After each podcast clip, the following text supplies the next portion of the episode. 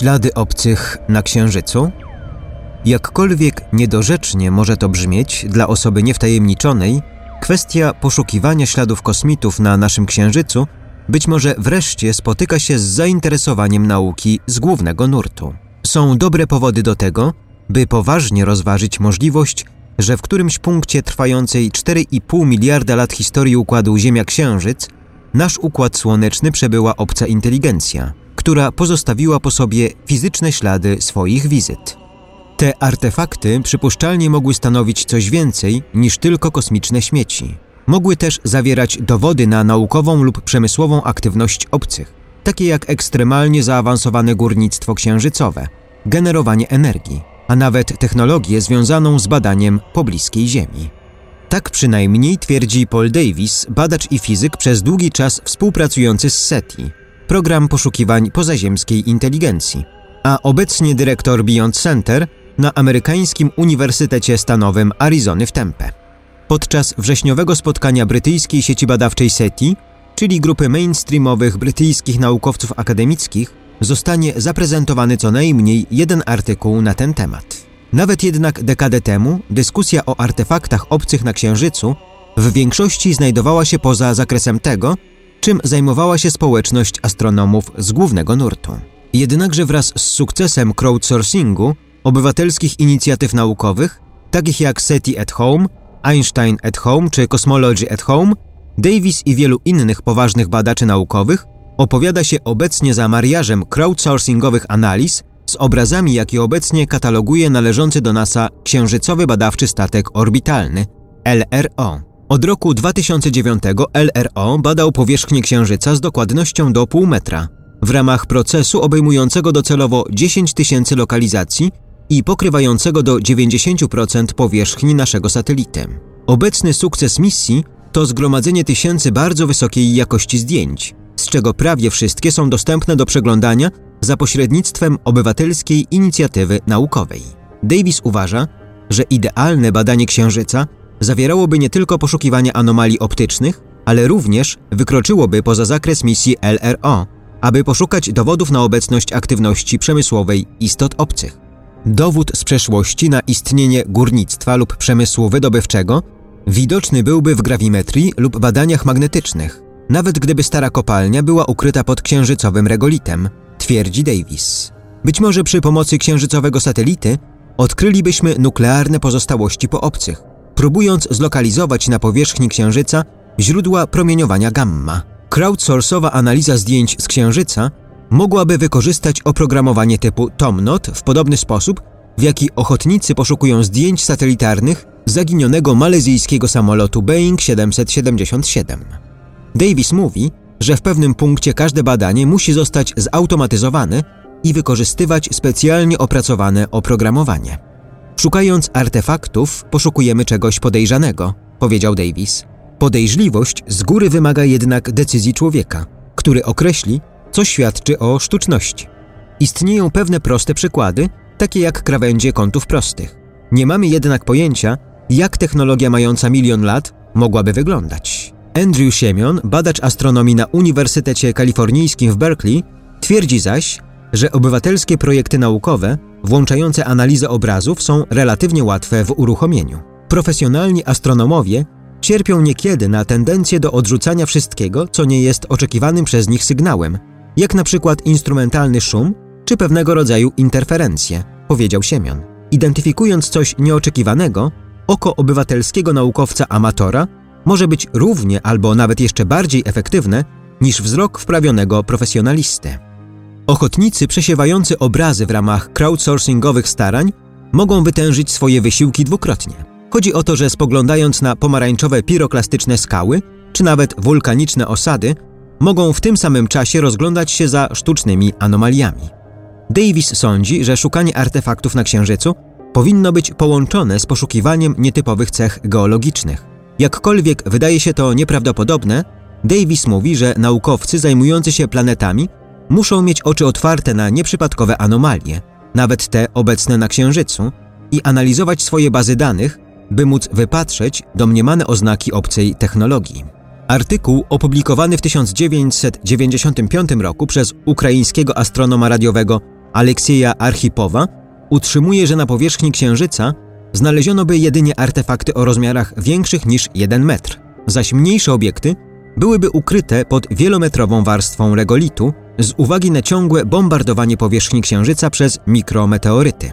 Według Davisa, nawet jeśli tak jest w istocie, to jednak Księżyc stanowi atrakcyjne środowisko do poszukiwania artefaktów z tego względu, że byłyby one zachowane dużo dłużej niż na Ziemi lub Marsie.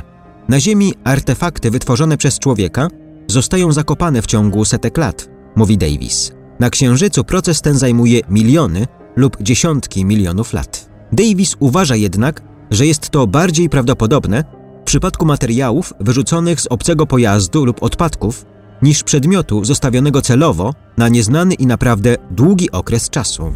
Archipow utrzymywał, że szczyt południowej ściany najbliższego krateru Księżyca, Malaperta, byłby właściwym miejscem dla wypadów obcych na Ziemię, ponieważ z tamtego miejsca nasza planeta widoczna jest cały czas. Wiedząc, że Księżyc jest ogromnym miejscem, opłaca się zawęzić poszukiwania zgodnie z takimi przypuszczeniami uczonych, powiedział Davis. Znajdujące się na Księżycu tunele z lawy zachowałyby artefakty. Stanowiłyby również atrakcyjne miejsce do ochrony sprzętu przed promieniowaniem ultrafioletowym i meteorytami. Kiedy pojazdy obcych po raz pierwszy pojawiły się w naszym Układzie Słonecznym? Davis twierdzi, że ponieważ wiek Ziemi odpowiada zaledwie 1 trzeciej wieku wszechświata, w naszej galaktyce planety zdatne do zamieszkania mogły się rozwinąć co najmniej 8 miliardów lat temu. Zauważa przy tym, że jeśli obca technologia kiedykolwiek wkroczyła do naszego układu słonecznego, prawdopodobnie nastąpiło to bardzo dawno. Jeśli przyjmiemy, że liczba technologicznych cywilizacji pozaziemskich pozostaje cały czas niezmienna, wówczas według Davisa uzasadnione jest przypuszczenie, że nasz system słoneczny został odwiedzony co najmniej raz w trakcie tej trwającej 8 miliardów lat ramy czasowej. Stąd też Davis wnioskuje, że średni czas oczekiwania na wizytę wynosi odpowiednio 4 miliardy lat temu i później. Według niego jednak nawet 100 milionów lat temu to optymistycznie rzecz ujmując ostatnia rama czasowa dla przybycia obcych. Uważać, że byli tutaj od początków zapisanej cywilizacji ludzkiej, byłoby zaś jego zdaniem najprawdopodobniej statystyczną niemożliwością. Davis uważa, że jakkolwiek by nie ucinać liczb, nie oczekiwano by niedawnych wizyt. W każdym razie Davis nie oczekuje, że były jakiekolwiek wizyty istoty z krwi i kości, a nawet jeśli były, to przypuszcza on, że już się wyniosły. W razie gdyby istoty biologiczne podróżowały, aby skolonizować nową planetę, według Davisa wybrałyby taką pozbawioną rozwijających się form życia, z uwagi na trudności we wspólnym zamieszkiwaniu wraz z istniejącą już na niej biologią.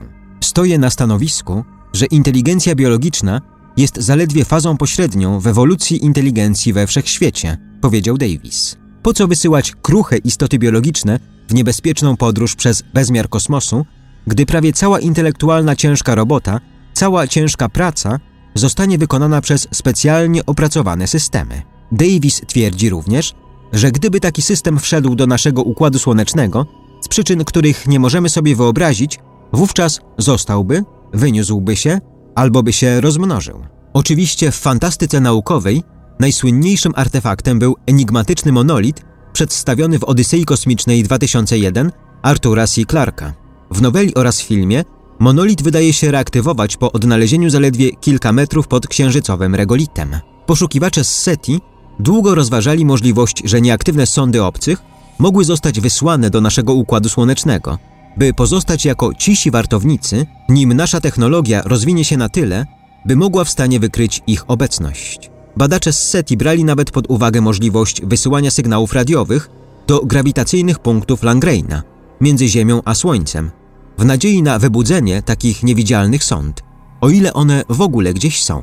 W ciągu ostatnich 40 lat, przed pojawieniem się na teleskopach cyfrowych liczników fotonowych, prowadzone były dwa relatywnie pobieżne badania, obejmujące punkty Langreina, zarówno między Ziemią a Słońcem oraz między Ziemią a Księżycem, prowadzone z użyciem porównywalnie małych teleskopów optycznych w Kitty Peak w Arizonie oraz obserwatorium Leuschnera w Kalifornii w USA. Żaden z teleskopów nie wykrył jakichkolwiek sztucznych obiektów niestworzonych przez człowieka. John Gertz, przewodniczący kalifornijskiej inicjatywy FIRSST, Foundation for Investing in Research on SETI Science and Technology, sugeruje przeprowadzenie drogą radiową wewnątrz naszego układu słonecznego poszukiwań nadajnika, który zostałby uruchomiony przy pierwszym wykryciu przez sondę wycieku elektromagnetycznego z Ziemi. Uważa on, że uruchomiony nadajnik wysyłałby sygnał o bardzo małej mocy, nie zawierający żadnej wiadomości oprócz sugerowanej. Jestem tutaj i jestem sztuczny. Gertz twierdzi, że prawdopodobnie mniejsza niż samochód, ale większa od Greyfruta, wirtualna Encyklopedia Galactica, bądź też cała historia i wiedza zgromadzona przez cywilizacje obcych zawarta byłaby w pendrive'ie, który my musimy dosłownie wykryć. To oczywiście oznacza przyjęcie, że konstruktorzy takich sond mieliby wrodzoną potrzebę odsłonięcia swoich obcych dusz przed rozwijającą się technologią, taką jak nasza. Kodowanie fizyczne stanowi bardzo wydajny sposób transmitowania dużych ilości informacji z jednego punktu do drugiego, powiedział Siemion. Możliwe więc, że zaawansowana cywilizacja postanowiłaby rozesłać duże ilości informacji poprzez zakodowane artefakty fizyczne. Może na nas czekać nawet więcej sąd. Nie ma powodu, by sądzić, że tylko jedna cywilizacja wysłała sondę. Sąd może być gdzieś więcej, powiedział Gertz. Czemu więc ich nie szukać? Popieram poszukiwanie wszystkich wolnych i przeszukiwalnych baz danych, nawet dla samego szukania, powiedział Davis. Bruce Dormini, Forbes. Tłumaczenie i opracowanie Ivelios.